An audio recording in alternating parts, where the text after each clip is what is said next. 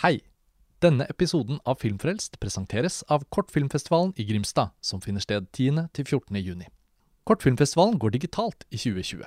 Hvor enn du er i landet, kan du i år være med på Kortfilmfestivalen fra din egen stue. Her vil du oppdage de beste kortfilmene fra Norge og resten av verden. Fra kjente regissører og fremadstormende talenter. Møt filmskaperne, få med deg brennaktuelle debatter, og la deg inspirere på virtuelle mesterklasser og fagseminarer. Følg hele festivalen på kortfilmfestivalen.no, og dyrk filmgleden sammen med oss 10. til 14. juni.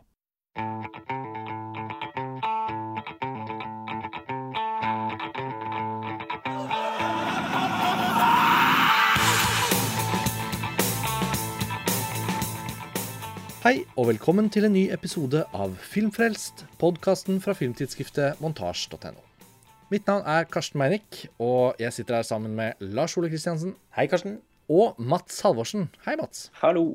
Det er fortsatt Alternativ Cannes-festival, og Mats, vi har jo laget eh, tre episoder til nå, og foreløpig har ikke du vært med, så vi må jo introdusere deg litt. Eh, du har jo vært med på Filmfest før, men du har ikke vært på Cannes-festivalen tidligere, så da kan vi ikke ta den klassiske melankolske runden hvor du eh, drømmer deg tilbake til eh, franske sandwicher og køståing og de store filmopplevelsene i Lumière-palasset. Men du skulle dit i år for første gang, har du fortalt. Hva, hva sitter du og tenker nå som du isteden må dra på sånn tørr alternativ Cannes-festival alene hjemme på Skype? Altså, på en måte kjennes det jo litt deilig fordi at jeg ennå ikke vet helt hva jeg går glipp av. Samtidig så har jeg jo blitt pepret med kan-hype fra både eh, kjente og ikke så kjente opp gjennom de siste par årene. Så jeg var jo veldig klar for at nå, endelig, er det min tur til å bli med. Og så ble det jo ikke det. Eh, så det er på en måte litt sånn bittersøtt, da. At eh, det ble ikke nå heller, men så vet jeg liksom ikke helt hva jeg ville gått glipp av. Så det er ikke så sårt som det kanskje kunne vært. Det tenker jeg at du gjør rett i, da. At uh, da utsetter du på en måte bare debuten, og så kan du danne deg dine egne mytologiske kan-øyeblikk som du kan gjenfortelle i fremtiden. Uh, men vi har jo dette programmet som vi andre har eh, fått snakket en del om allerede. Så da er jo jeg litt mer nysgjerrig på å høre fra deg, egentlig, i første omgang. Hva, da du så programmet, fant du mye filmer du hadde sett fra før av? Hvordan gikk, har du gått fram de siste dagene med å prøve å sette deg opp litt på, på det som lå i programmet? Da jeg først så det, så følte jeg at førsteinntrykket var sånn Shit, OK, her kjenner jeg ikke igjen noe. Eh, og så mm, kikket jeg enda litt nøyere, og så så jeg at jo da, det er jo eh, særlig kanskje regissørnavn man kjenner igjen, eh, men også en del titler jeg hadde sett fra før. Eh, men ikke noe særlig mer enn en ti-tolv stykker. Så det gjorde jo at jeg var ganske spent på hva annet som lå gjemt der. Og jeg vet jo at deres filmkatalog er helt enorm. Så det at det var mye der som var ukjent for meg, det var ikke noen overraskelse sånn sett. Men det gjorde jo at jeg var desto mer nysgjerrig på hva som faktisk lå der. da. Hva er alle disse titlene? Eh, inkludert titler av kjente navn, som jeg allikevel tenkte sånn mm, Nei, dette har jeg aldri hørt om eh, før. Mm. Ja, For det er vel litt gjengangeren i programmet, egentlig. At det er mange ikke så kjente filmer av kjente navn. Det er jo en autørtung festivalårgang. I og med at vi jo i all hovedsak, når vi skulle da finne filmer som vi begge ikke hadde sett, eh, nødvendigvis zoomet inn på eh, regissører som vi er interessert i. Ikke sant. Og jeg må jo si at når jeg selv så på min egen eh, liste over filmer jeg hadde sett fra deres liste, så er den jo veldig mm, ny.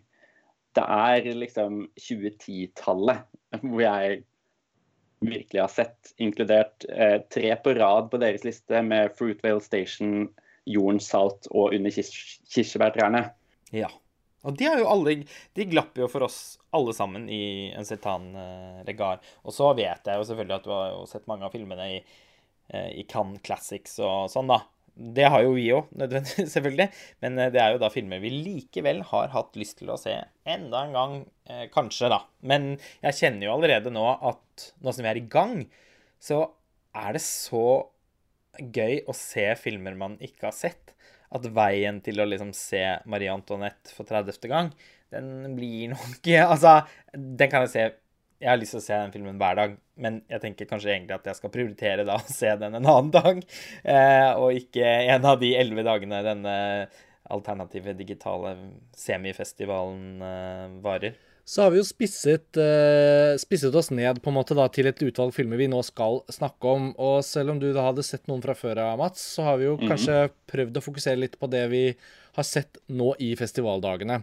Og da jeg så over listen over filmer, så, så så, det plutselig for første gang ut uh, denne uka til at vi har et litt sånt anglofilt fokus, Lars Ole. Mm. Vi hadde jo Italia her i går, uh, og det har vært uh, litt sånn spredt. Det har vært mye ungarsk film vi endte opp å snakke med, osv. Ja, utrolig nok. Og på tross av at åpningsfilmen var en klassisk studiofilm fra 1939 med David O'Selznick som presents, så, så slo det meg at nå skal vi faktisk snakke om hovedsakelig engelskspråklig film. Og vi har blitt enige om å starte med en australsk film, som var åpningsfilmen vår i Uncertain Regard. Og bare kort om valget, Lars Ole. Det slo meg jo at å åpne med en sånn tilsynelatende, i hvert fall, for vi har jo ikke sett den før vi har sett den nå, eh, fargesprakende energisk film som Strictly Ballroom av Baz Luhrmann, det matchet jo litt med hva åpningsfilmhistorikken eh, egentlig ofte er på festivaler. Ikke nødvendigvis i Uncertain Regard, men på festivaler. Nei, det føltes jo veldig riktig. Og eh, vi er jo begge begeistret for i hvert fall et, veldig begeistret for et par av Basil Lerman sine filmer. Og har jo tross alt fulgt han med stor interesse hele veien, selv om jeg tror ikke du var i skyene over The Great Gatsby. Nei. Du heller. Var, jeg, jeg, var veldig, veldig skuffet over den filmen. Um, men for eksempel egentlig nok så mildt stemt overfor den Australia. Mm, enig. Men kjempefan av Moulin Rouge spesielt. Mm. Og har, som de fleste andre fra vår-ish generasjon, et nært forhold til Romeo og Julie, da. Ja, og det slo meg jo at Strictly Ballroom faktisk er den eneste Baz Luhrmann-filmen jeg ikke har sett. Så, så tiden, tiden, var jo inne, og, og, nå har vi sett den alle tre. Eh, Mats, hva, hva, har vært ditt forhold til Baz Luhrmann før du nå så eh, Strictly Ballroom? Eh, jeg har sett alle de fire filmene Lars Ole nevnte nå, og er ganske enig i den oppsummeringen han ga, egentlig. Det er liksom de tidligste der som sitter igjen. Australia må jeg jobbe hardt for å kunne si noe som helst om, på en måte. Mens ja. uh, Strictly Ballroom er den som liksom alltid har ligget der, som jeg har sett når jeg har scrollet Blockbuster f.eks. Og mm. alltid tenkt sånn Ja, den har jeg litt lyst til å se, og så har det aldri helt blitt den. Altså, Den har jo ligget og fermentert i DVD-hyllen i latterlig mange år. Jeg merket hvor gammel min DVD var da Sandrew Metronome-logoen kom på. Ja! yes, samme her.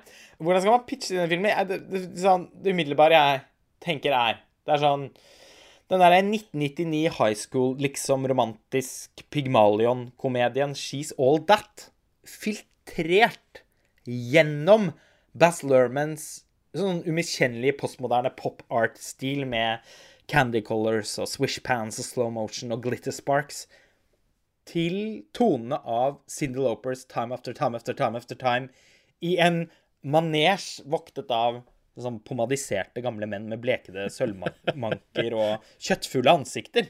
Ja, og jeg ville satt klypene ned i en liten sånn krydderskål hvor det fins et pulver fra Dirty Dancing, og så strødd litt over. Bare litt sånn lite grann. Helt klart. Men OK.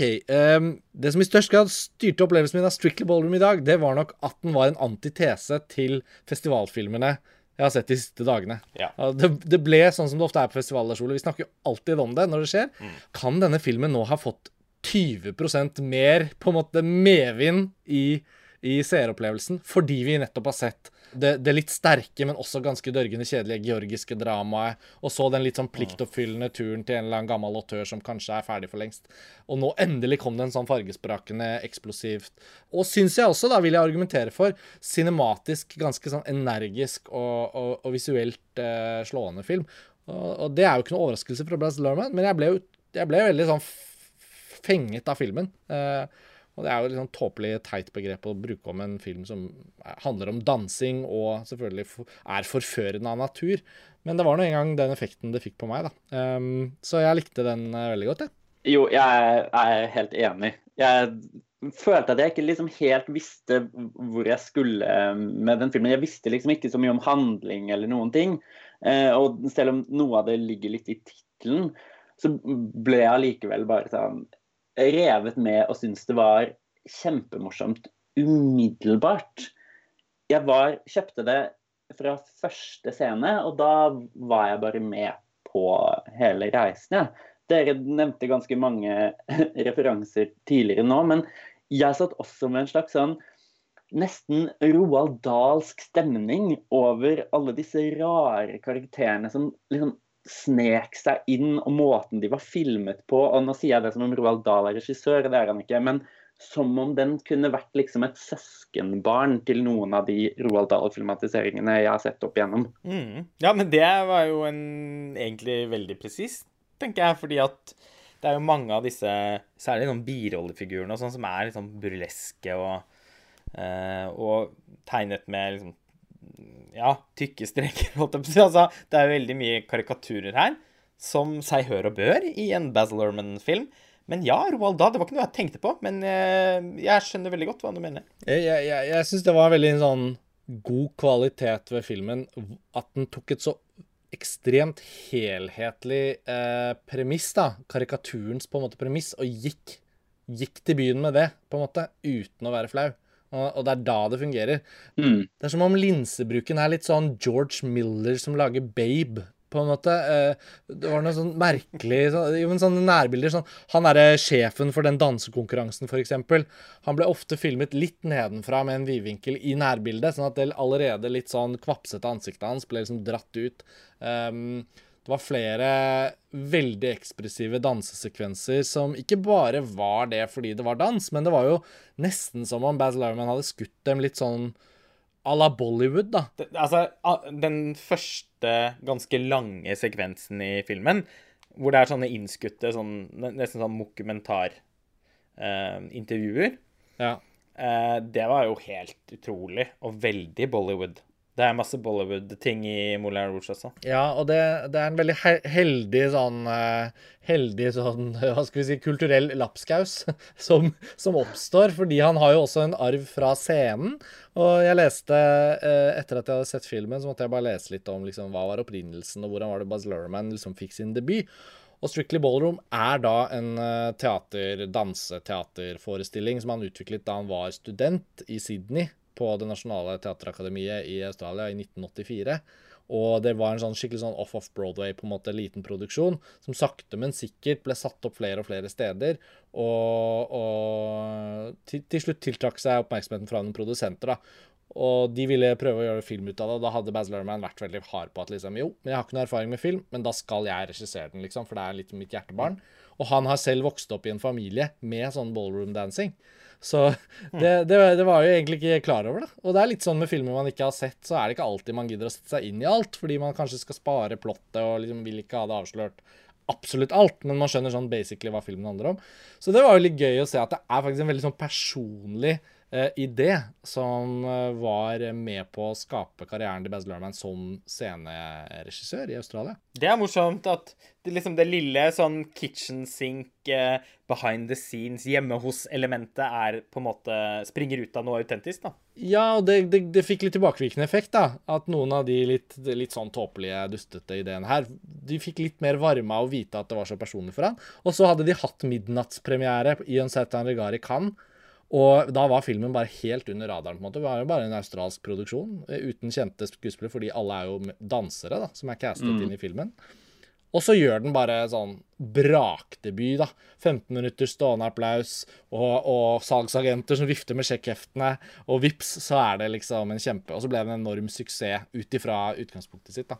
Så det var litt sånn gøy å lese om i tillegg, at Baz Lerman kom liksom fra en sånn litt sånn selskapt suksess. Han burde jo bare lage filmer med dans og musikk. Det er jo, altså, det er jo altfor lite av det. Ja, ja. Han må jo tilbake til det her, tenker jeg. Håper jeg. Ja, og det er jo desto mer imponerende hvor filmat dramatisk han er i denne filmen, til at det er litt sånn Jeg vet ikke helt hva jeg gjør, men jeg vil gjøre det fordi dette er mitt. Og så er det Mm. dette han leverer, liksom. Han har jo vært i opptak nå på en sånn storslått, veldig påkostet Elvis Presley-biografifilm, eh, som er den filmen som var i opptak i Australia i mars, hvor Tom Hanks ble smittet av koronaviruset. Oh. Så det holder han på med. Det er satt på pause, selvfølgelig, da, men Altså, dette har ikke jeg fått med meg. Er det, Tom, det er ikke Tom Hanks som skal spille Elvis? Nei. Det burde jo være Nicholas Cage. Ja, ja, nei, det er en ukjent uh... Eller ikke så ukjent. Han fyren som er en del av uh, Spawn Ranch-sekvensen i Once Upon a Time in Hollywood, som sitter på den hesten, Åhå, ja. han skal spille Elvis. Ah, kult. Austin Butler, ser jeg at han heter. Uh, Tom Hanks spiller vel en eller annen uh, bestefarsfigur. Jeg vet ikke. Men dette betyr vel at på en måte han returnerer til dans og musikk, da? Jeg, ha, jeg, jeg- stiller meg avventende inntil videre. Elvis er spennende. Jeg tenker jeg er positiv. Ja. Men det var veldig kult med Strictly Ballroom, og eh, det høres jo ut som at som om vi alle har noenlunde samme innstilling til Baz Luhrmann fra før av, da. Mm. Eh, Så sånn sett så har vi jo ikke liksom en hater i gruppen. Veldig vanskelig å ikke like den hvis man liker de andre Altså de beste av de andre filmene hans, eh, tenker jeg. Men jeg, jeg må innrømme likevel, det var ikke sånn helt slått over ende av begeistring. Jeg tror kanskje du likte den noen centimeter mer enn meg, Karsten, og kanskje Mats òg. Jeg, jeg, jeg følte likevel at det var noe Det var noen elementer av sånn datert 90-tallsestetikk der, innimellom de beste scenene. Det kom hele tiden noen bølger slående inn mot land som tok meg med. Men jeg satt noen ganger og ventet litt på de bølgene. Jo, men jeg satt heller ikke igjen med noen sånn ti av ti-følelse. Eh, og, og tenkte at dette var et cinematisk storverk. Men det var eh, kjempe Jeg syns det var mye morsommere kanskje også enn jeg hadde trodd. Og at mye av den humoren som Altså, den er fra 1992, og at den er litt datert, er kanskje ikke så rart, men det var likevel så mye der som jeg syns var kjempemorsomt, hvor jeg liksom lo høyt. Og det er så mye av de filmene som selv de som virkelig prøver hardt å være en komedie, da, hvor jeg i beste fall snefter litt, liksom. Så det at denne virkelig traff på humoren, er liksom nok til at jeg på god vei kan overse litt sånn skjønnhetsfeil og sånn, og litt kjedsomhet. Ja, altså Jeg så den alene og lo faktisk høyt flere ganger. Og det er ikke nødvendigvis sånn at den filmen var min cup of tea sånn humormessig. Men uh, en annen ting jeg også tenker på, er at datert eller ikke Det er ikke for så vidt et motargument til deg, Lars Ole. da. Jeg er jo enig. Uh, på ti av ti-skalaen så er den jo åtte av åtte mulige, på en måte, for meg. Ja. ja. Men, men, men uh, hadde Dette bruker vi jo av og til som en slags sånn litmus-test, Lars Ole. Hadde en norsk filmskaper levert denne nå, som sånn Jeg har laget en dansefilm, det er liksom personlig prosjekt. ja, ja. Eh, det er skutt på film, for jeg føler jeg må få fram fargen og sånn. Da hadde vi jo heist det norske flagget og, og, og tenkt at endelig er det noen som har gjort noe sånt. ja. Hvem trenger 17. mai når vi har denne filmen? Nå har jeg ikke sett Katarina Launings battle, men Men det har jeg, og nei. nei. Jeg likte Battle Den, godt. altså, den er ikke uten underholdningsverdi. Men hvis vi skal snakke om eh, filmatisk stil, da, så var den jo skuffende konvensjonell. Og det kan man ikke si om Baz Luhrmanns eh, Strictly Ballroom, i hvert fall. Nei. Nei, så, det, så nå har vi sett den, og det var, eh, det var en skikkelig sånn energiinnsprøytning til festivalen. Og det tror jeg den, Hadde det vært en lignende festivalopplevelse i Cannes i år, ved siden av de litt sånn sombre, eh, respektfulle, alvorlige filmene, så hadde vi jo satt pris på den, tror jeg, på samme måten. Mm. Eh, vi får bevege oss videre til noe helt annet. og Da er jeg litt nysgjerrig på å høre litt om den dokumentaren jeg, som begge dere har sett, men som ikke jeg har sett. Ja, Barbara Couples, Harlan County, USA. Hvordan ville du eh, introdusert den, eh, Mats? Jeg ble jo på en måte altså dobbeltintrodusert til den av deg fordi dere for det første programmerte den, og så fordi det var en av de titlene du nevnte. Eh, og jeg gikk også inn i, der gikk jeg inn i den uten å vite noen ting. Den var tittelen. Nå er dette et gjennomgangstrekk for alle mine eh, filmtittinger på denne festivalen, tydeligvis. Se på en tittel og gå inn med det. Så jeg skjønte at vi skulle til USA. Mm. Og så blir det jo ganske tydelig at vi skal til uh, gruvestreik i USA. Og jeg, jeg tenkte kanskje at det kunne bli litt kjedelig. At liksom sånn streiketematikk ikke høres så ut som noe jeg ville bli veldig fenget av. Men så er den veldig gripende eh, fortalt. Og da kan du fortelle meg ganske mye som jeg egentlig syns er kjedelig. Og så koser jeg meg likevel. Eller om koser seg er riktig ord her, da. Ja, nei, hva skal man si? Det er jo Det var en barsk film å komme seg gjennom. Samtidig som den jo, akkurat som du sier, var veldig meddrivende, da. Den er jo så godt laget, rett og slett, at uh, denne streiken Du føler jo at du selv er deltaker, omtrent. Og filmen har en veldig sånn moralsk avklart patos, føler jeg. Det er som om Barbara Couple går i krigen sammen med de gruvearbeiderne som streiker, og med kamera intenst tilstedeværende i situasjonene nesten som et våpen. Samtidig som det hele tiden også er rom for noen sånn skikkelige porøse, til og med poetiske bilder og, og scener som gjør den til noe mer enn I kombinasjon med at folkmusikk har en veldig sånn framtredende rolle i filmen som historieforteller. Og gjør, den kombinasjonen der gjør den til noe mer enn en sånn akutt rasende politisk pamflett full av sinne og sorg og smerte og faen. Eh, og, til, og også til noe mer enn et tidsdokument. Det var nesten sånn at jeg opplevde den som liksom mytologisk, som en sånn kobberstikk av amerikanske skyggesider. Grusomt aktuell, da. Og kanskje dessverre enda mer aktuell i årene framover, post covid-19. Ja. Nei, helt enig. Jeg, jeg, ble veldig grepet av helt sånn enkle sekvenser. Det kunne være en Og nå holdt jeg på å kalle det en replikk, men det er jo ikke det engang. Et utsagn som bare skar så innmari igjennom. Og det kunne være i en oppildnet tale til en forsamling, eller det kunne være et direkte svar på et spørsmål til filmskaperne. Og det, uansett hva det var, da, så var det så innmari godt utvalg i den filmen av hva de valgte å vise. Så det var gang på gang på gang hvor det kjentes som nesten et slag i magen. Og du, jeg var så lite forberedt på om det skulle komme fra en sekvens som fremsto veldig aggressiv eller stor, eller om det plutselig bare kom fra en helt lavmælt, forklarende sekvens.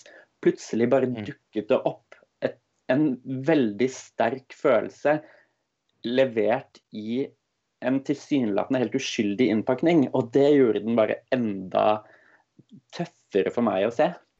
Ja, og det er noen scener der som er, var nesten ikke mulig å se. Altså en begravelse, f.eks., som Jeg bare begynte å gråte med en gang, fordi det var så Åh. åh. Altså, vi er en sånn tung skygge av bunnløs sorg over hele filmen. Og det er jo mange av disse arbeiderne da, som utvikler en sånn fryktelig lungesykdom. Og det er en scene for eksempel, hvor mange av disse eldre mennene drar på sånn felles undersøkelse på sykehuset for å, kart for å kartlegge hvorvidt de eh, er syke. Da. Det er noe sånn og, og som har et slags humør oppi det hele som blir innmari rørende å, å være vitne til. Det er ikke rart at denne filmen har en så uh, tydelig posisjon i amerikansk dokumentarfilm. Og hun Barbara Cappell vant jo da Oscar for den filmen, og har mm. også vunnet en Oscar til senere for en film fra 1990 som heter American Dream, som jeg da ikke har sett, og nå fikk veldig lyst til å se. Dette er en varm anbefaling, Karsten. Du er helt ja. nødt faktisk til å se den filmen. Ja, det høres, høres, jo utrolig bra ut. Og jeg husker vi snakket litt om den da vi programmerte den også. Og eh, det har vært en sånn tittel som jeg føler har blitt nevnt innimellom når man trekker fram uh, viktige dokumentarfilmer. Og av en eller annen grunn så har det liksom bare ikke helt blitt med det. Og så kom den jo på Criterion Collection, og da virket det jo litt mer sånn aktuelt. Og så er det som med så mange filmer, da, at, uh, at det utsettes litt. Det er det egentlig ikke noen spesiell grunn til, ikke minst fordi Barbara Couple har jo etter hvert blitt en dokumentarautør i seg selv. Uh, mm. Så nei, jeg føler at den har vært en prioritering for meg nå under den alternative festivalen. Og så rakk jeg ikke å se den til akkurat denne episoden, men da fikk jo jeg gleden av å kunne få den ekstra anbefalingsmotivasjonen fra dere. Veldig spennende. Og for, liksom, for å bruke eh, dokumentarfilmteoretiker Bill Nichols sin terminologi, så er den eh, Jeg er ofte veldig begeistret for dokumentarfilmer som er i, i, i, liksom, i kryssilden mellom å være observerende og ekspositoriske. Litt sånn som også Stefan Jarl sine dokumentarfilmer er. Og det, og det, kan ofte skape en sånn helt spesiell nerve, fordi filmen er ideologisk overbevist. Den vet så innmari hvilken side av saken den taler for. Mm. Samtidig som den også er åpen for hva som skjer i enhver situasjon. Den er ikke skjønnmalende. Den er ikke Altså, den gjorde rett og slett vanvittig inntrykk. Det er Åh, det er en sånn påminnelse om hvor bra dokumentarfilm er, når det er så bra som denne filmen. Jeg syns også det var veldig fint hvor mye plass Barbara Coppel gir til kvinnene i denne filmen. Fordi ja. gruvearbeidet på 70-tallet i USA fremstår som, selv i denne filmen, som et helt sånn ekstremt mannsdominert miljø. Det er mennene som er i gruvene, og det er det ikke noe tvil om. Men kvinnene tar så mye plass i denne filmen på en helt fantastisk god måte og står i det som minst like beinharde som disse gruvearbeiderne. Altså på en måte mer beinharde, fordi at de Altså, de gruvearbeiderne er jo så undertrykket, på en måte, strukturelt, uh, og gjennom så mange år. Og så også preget av fysisk slitasje. Det er i og for seg også noen av deres ektefeller, da. Men de kvinnene som står bak dem, har det jo De har jo en stemme, på en måte som, som, som er mye høyere. Altså de, det er de som går i krig sammen med Barbara Koppel. Og de bruker den så til de grader at den, at den nesten av og til kjennes helt sånn Men det kjennes som moderne på et vis, da. At de virkelig står der og skriker makten midt imot. For noen rørende typer. Utseender. Altså Det er så mye levd liv i de ansiktene der at man blir liksom full av skam over hvor enkelt og greit man har det selv. Og denne filmen er mulig å se. Eh, ikke sånn veldig lett, men eh, den er jo utgitt av Criterion Collection og selges på platekompaniet for så vidt. Men eh, den er også tilgjengelig for strømming på The Criterion Channel. Den ligger også på YouTube, faktisk. Ja. Ikke i en helt fantastisk kvalitet, men mer enn god nok til å formidle um, det den filmen er. Mm. Så den fins der ute, og, og, jeg er veldig glad vi også fikk anledning til å snakke litt sånn grundig om, eller dere, da, grundig om en dokumentarfilm. Fordi det har jo vært et poeng, Lars Ole, å passe på at uh, det alternative Kan-programmet har bredde også innenfor uh, fortellerperspektiv og sjanger og forholdet mellom fiksjon og dokumentar. Og vi kommer til å snakke mer om dokumentar etter hvert som vi ser flere av dokumentarene som er i programmet. Men nå, nå fikk jo dere sett Harlan County USA, så da, da, følte jeg vi fikk startet opp med det også, litt mer tydelig. Um, hvis ikke dere har noe mer som skal bli sagt om akkurat den, så kan jo dette være en anledning til å bevege seg videre til neste film. Mats, jeg vet at både du og jeg har sett en film til i dag, i tillegg til Strictly Ballroom, mm -hmm. som heter uh, The Hit av Stephen Frears. Den er fra 1984 og ble i sin tid vist i eh, Canzen de Realisateur, altså sideprogrammet også kjent som Directors Fortnight. Og Stephen Frears, eh, Lars Ole, bare for å snakke kort om han før vi begynner å snakke om filmen, han er jo en av disse eh, Hva skal vi si eh, Produktive regissørene som har laget veldig mange berømte filmer som folk er glad i, men han er også en regissør som er sånn ubestemmelig ikke-identifiserbar. Uh, nesten uten autørtrekk. Mm. Han er kanskje mest kjent for The Queen med Helen Mirren. Uh, og Altså, det er jo ikke bare det, men den ble jo en veldig populær film da den kom. Uh, farlige forbindelser fra 80-tallet er jo også en sånn som har gått på TV utallige ganger, og som ganske mange sånn normalt filminteresserte har uh, et forhold til. Ja, absolutt. Men ja, The Queen er nok tross alt liksom I hvert fall fra de siste 20 årene av uh, Frears-filmografien, så er det vel den som virkelig sånn står ut. Og det er jo en helt strålende film. Ja, og jeg følte bare at det var, det var noe med å nevne den, fordi det er både en film som har blitt vist om og om, og om igjen, handler om britiske dronningen, perioden da prinsesse Diana døde det, det er som om den er en sånn ur-Frears, fordi den Ja, det er for, Fordi sant. ingen bryr seg om at det er Stephen Frears som har laget den. Nei, det er det aldri noen som har brydd seg om. Og det er verdt å nevne da, at den har jo Det er jo selvfølgeligheter jeg lirer av meg nå, men den har jo da blitt reaktualisert også av den The Crown-serien, Ja. som jeg har sett og liker veldig godt. Og det er nesten utrolig at ikke Stephen Frears har regi på noen episoder av The Crown, men det har han altså ikke. Nei, utrolig nok ikke. Stephen Daldry har vært innom der. Han er en litt sånn lignende type regissør. Men uh, ja, og så har den jo da samme manusforfatter Altså serien har jo da samme manusforfatter som The Queen, da. Så selv en såpass solid, men uspesiell filmskaper som Stephen Frears har da også hatt sin lille tå ned i Cannes-bassenget. Men da må man jo spole litt tilbake. Og det litt sånn fine med endelig å ha sett det hit, er jo at det inspirerer jo til endelig å se noen av de litt sånn tidlige Stephen Frears-filmene. For jeg har fortsatt til gode å se den neste filmen han da lagde etter The Hit, som er hans gjennombruddsfilm, My Beautiful Laundrette, med Daniel Day-Lewis. Og um, The Hit er da en film som egentlig har vært ganske sånn gjemt under radaren, frem til nok en gang da, The Criterion Collection ga den ut, og da kjøpte jeg den på DVD, og der har den blitt stående, og i dag fikk jeg sett den. Eh, så det var liksom litt sånn Stephen Frears-inngangen, som jeg syns var eh, Han er jo ikke oppe i samtale så ofte på Filmfrelst, så nå var det en anledning til å nevne han litt. Mats, Mm. The Hit. eh, hva- skal vi Hvordan skal vi Den har jo et ganske enkelt premiss. Vil du ta oss liksom inn i filmen?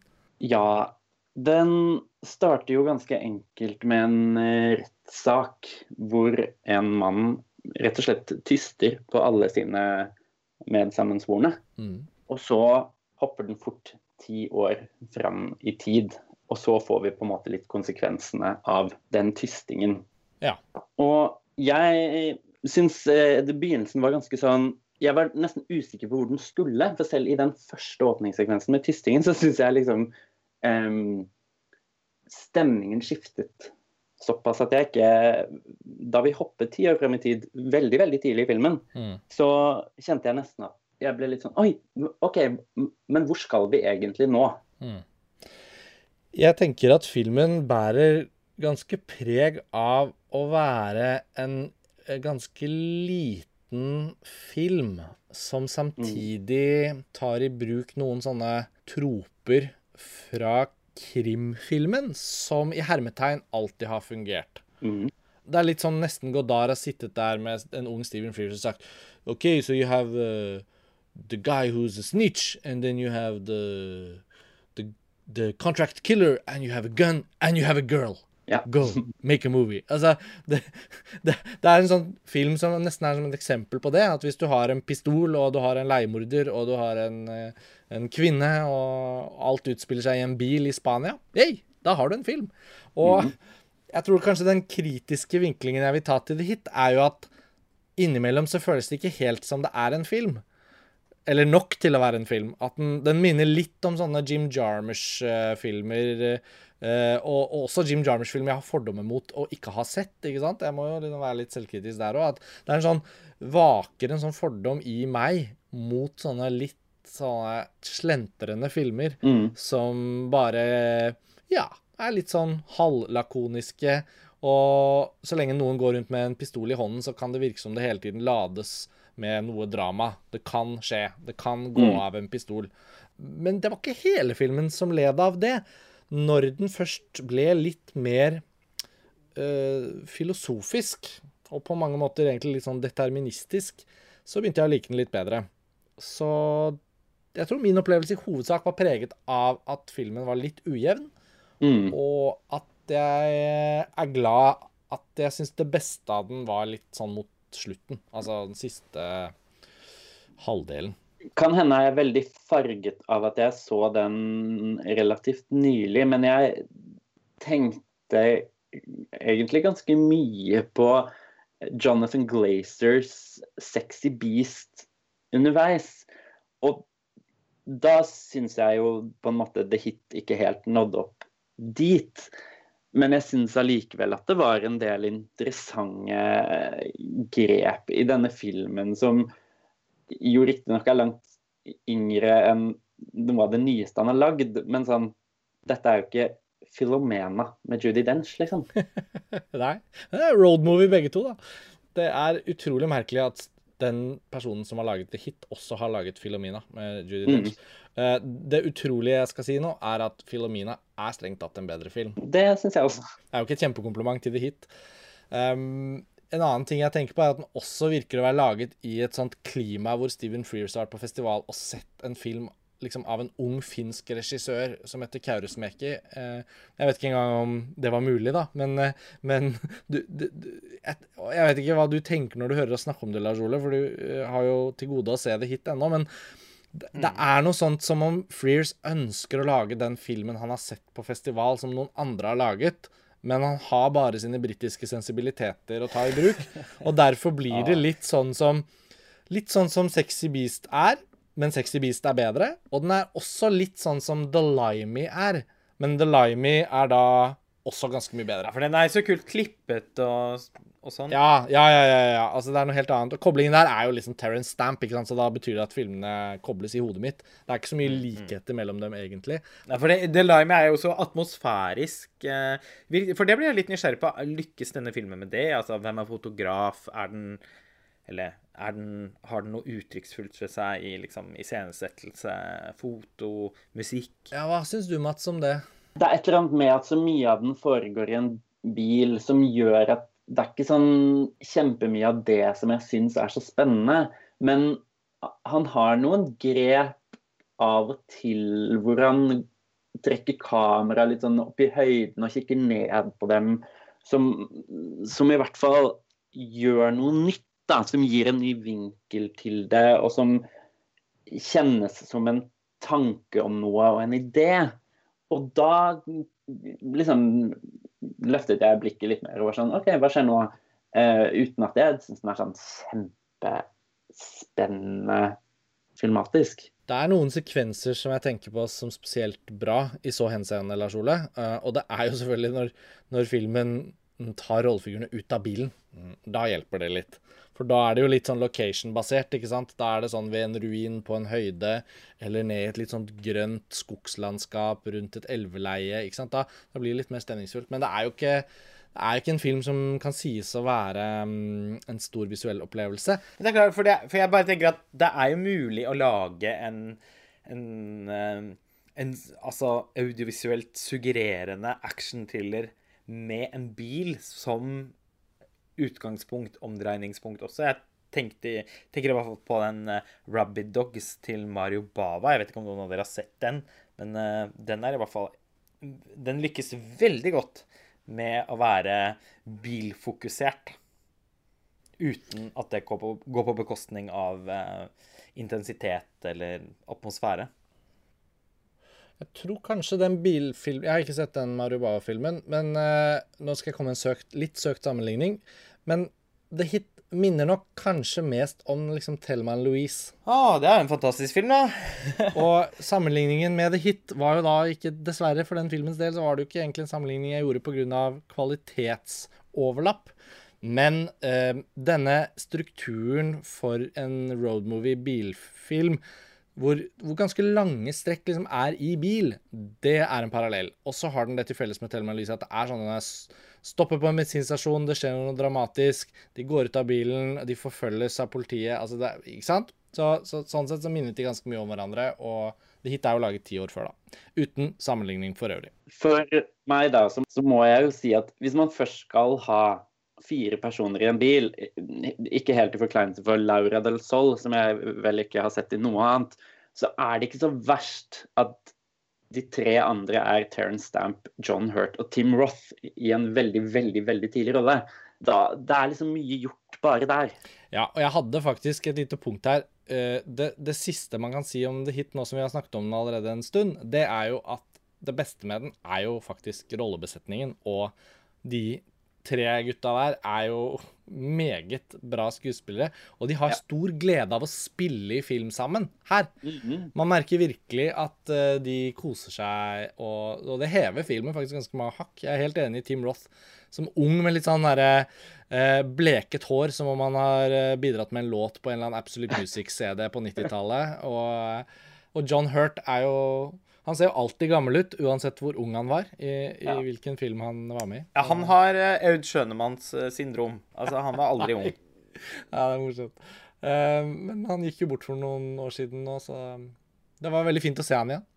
Men summa summarum så føler jeg vel at The Hit uh, kanskje ikke var På grunn av Criterion-hypen, så kanskje har jeg nok trodd at den var bedre.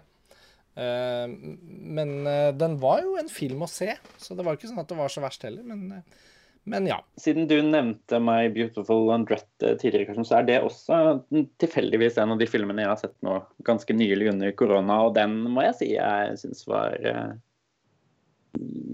opptil flere hakk bedre enn en The Hit, altså. Det var godt å høre, Mats. Eh, Det er bra. Da bygger du litt opp under Beautiful on Red-bussen. Den er jo utgitt på en nydelig sånn BFI-restaurert eh, Blu-ray som står her og venter, så den skal også ses da nå. Jeg føler liksom anledningen er nå. Så det må jeg Da inspirerer du meg litt ekstra.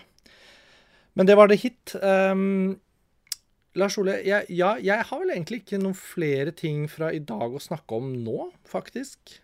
Nei, ikke jeg heller. Siden sist har jeg også sett den Hearts of Darkness av Filmmakers Apocalypse. Eh, om innspillingen av Apokalypse nå. Men den opplever jeg at jeg syns det er morsommere å snakke om med noen andre enn å monologisere. Ja, jeg har også en sånn film som jeg har sett nå, men som jeg sparer til en annen episode. Så da går kanskje det siste ordet til deg da, Mats. Eh, eh, av da andre ting som du har sett, er det noe du fant på programmet som, som er i den litt sånn smalere enden av skalaen, eller som du hadde gledet deg veldig til å se, og som du har sett nå? Er det noe du liksom har lyst til å fortelle om?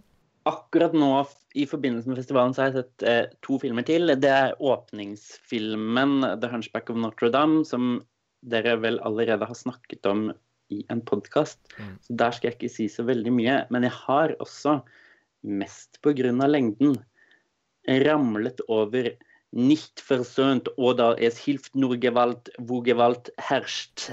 Eh, og Ja. det er en film som fins. Fortell! Eh, og det var som sagt en film som For den er veldig kort, den er under en time. Og det liksom passet litt inn. Jeg hadde kikket på programmet og visste at det var noen korte filmer der. Og så var det den første jeg fant lett tilgjengelig. Og så satte jeg på den. Og etter 15 minutter av den filmen så tenkte jeg Men nå har det jo begynt syv forskjellige historier. Og vi er nesten halvveis. Hvor er det vi skal? Og det vet jeg ikke om jeg kan svare på selv nå. For jeg egentlig så føler jeg at dette er en film som jeg må sette meg ned og se enda en gang. Bare for å, for å skjønne hva historien faktisk er. Det er et eller annet med at vi møter de samme karakterene i forskjellige aldre, men selv det tar liksom litt tid å komme til i film Altså før du skjønner det, på en måte. Og selv om jeg syns den var kul å se på, så hjelper det jo da å skjønne litt grann av hva som faktisk skjer. Mm. Hvem, hvem har laget denne filmen, da? det var litt sånn ledende spørsmål til deg, Lars Ole. Ja, ja, det er Jean-Marie Straub, eh, som jo Han er jo da kreditert eh, vel som den eneste regissøren her, men eh, han har jo da stort sett laget film med sin kone, Daniel Huie. Og jeg har faktisk sett ganske mange filmer de har laget, og med stor fascinasjon. Den eh, Hvilket år var den filmen Den var fra 65, den her. eh, Var den ikke det, Mats? Jo. Ja, for den filmen de laget etterpå, Anna Magdalena Bach, eller mm, på engelsk heter den The Chronicle of Anna Magdalena Bach, den er helt fantastisk eh, bra. Men jeg forbinder det jo kanskje mest med dokumentar. Så, og jeg har vært veldig nysgjerrig da på å se denne debutfilmen etter å ha sett den, ja, nokså mange av de andre filmene de har laget sammen. Så, og, og har, altså, som de begge er kreditert som regissører for. Så jeg, jeg, jeg akter å, å, få med meg denne her i løpet av, av festivalen. Og, men det er jo som oftest veldig Altså, for, altså de, Det er fascinerende, men også gjerne ganske tungt å, å se filmene deres. Man eh, er nødt til å være utstyrt med en litt sånn spesiell tålmodighet. Eh, man må ha bestemt seg for å, å interessere seg for det for å få veldig mye ut av det, og gjerne lese noen intervjuer med de om filmene sånn enten i forkant eller etterkant. Det har i hvert fall jeg hatt glede av å gjøre. Det har eh, gjort Altså, det har vært Det har forseglet liksom opplevelsene på en bra måte for meg. Så å bare liksom da sette seg ned og tilfeldigvis se denne filmen fordi den var kort, det kan jeg tenke meg at var en litt sånn eh, i overkant uh, underlig opplevelse. Ja. Det vil jeg si. Så jeg kan anbefale den til deg, fordi jeg tenker jo at du vil få mer ut av den selv på en førstegangsvisning eh, enn det jeg fikk. Og så får jeg se da om jeg finner en time til en gang hvor jeg tenker nå, nå kan, er jeg moden for det. Ja, jeg kan jo da egentlig anbefale deg som eh, Altså, når du da først har sett denne, så burde du jo egentlig gripe anledningen til å se denne Anna Magdalene Bach-filmen, da. Mm. Den, eh, og er man glad i Bach, komponisten, som jeg er, så, så er det Ja, den, den Altså, det er ikke en brev, det er ikke en publikumsfilm, det heller, på noen som helst måte. Men tross alt kanskje noe av det mest tilgjengelige de har laget.